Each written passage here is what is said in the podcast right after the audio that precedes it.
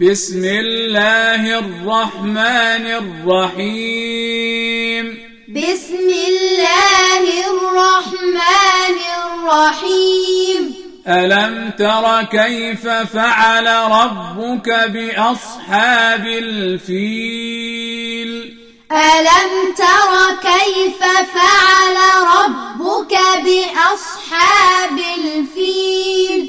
ألم يجعل كيدهم في تضليل ألم يجعل كيدهم في تضليل وأرسل عليهم طيرا أبابيل وأرسل عليهم طيرا أبابيل ترميهم بحجارة من سجيل.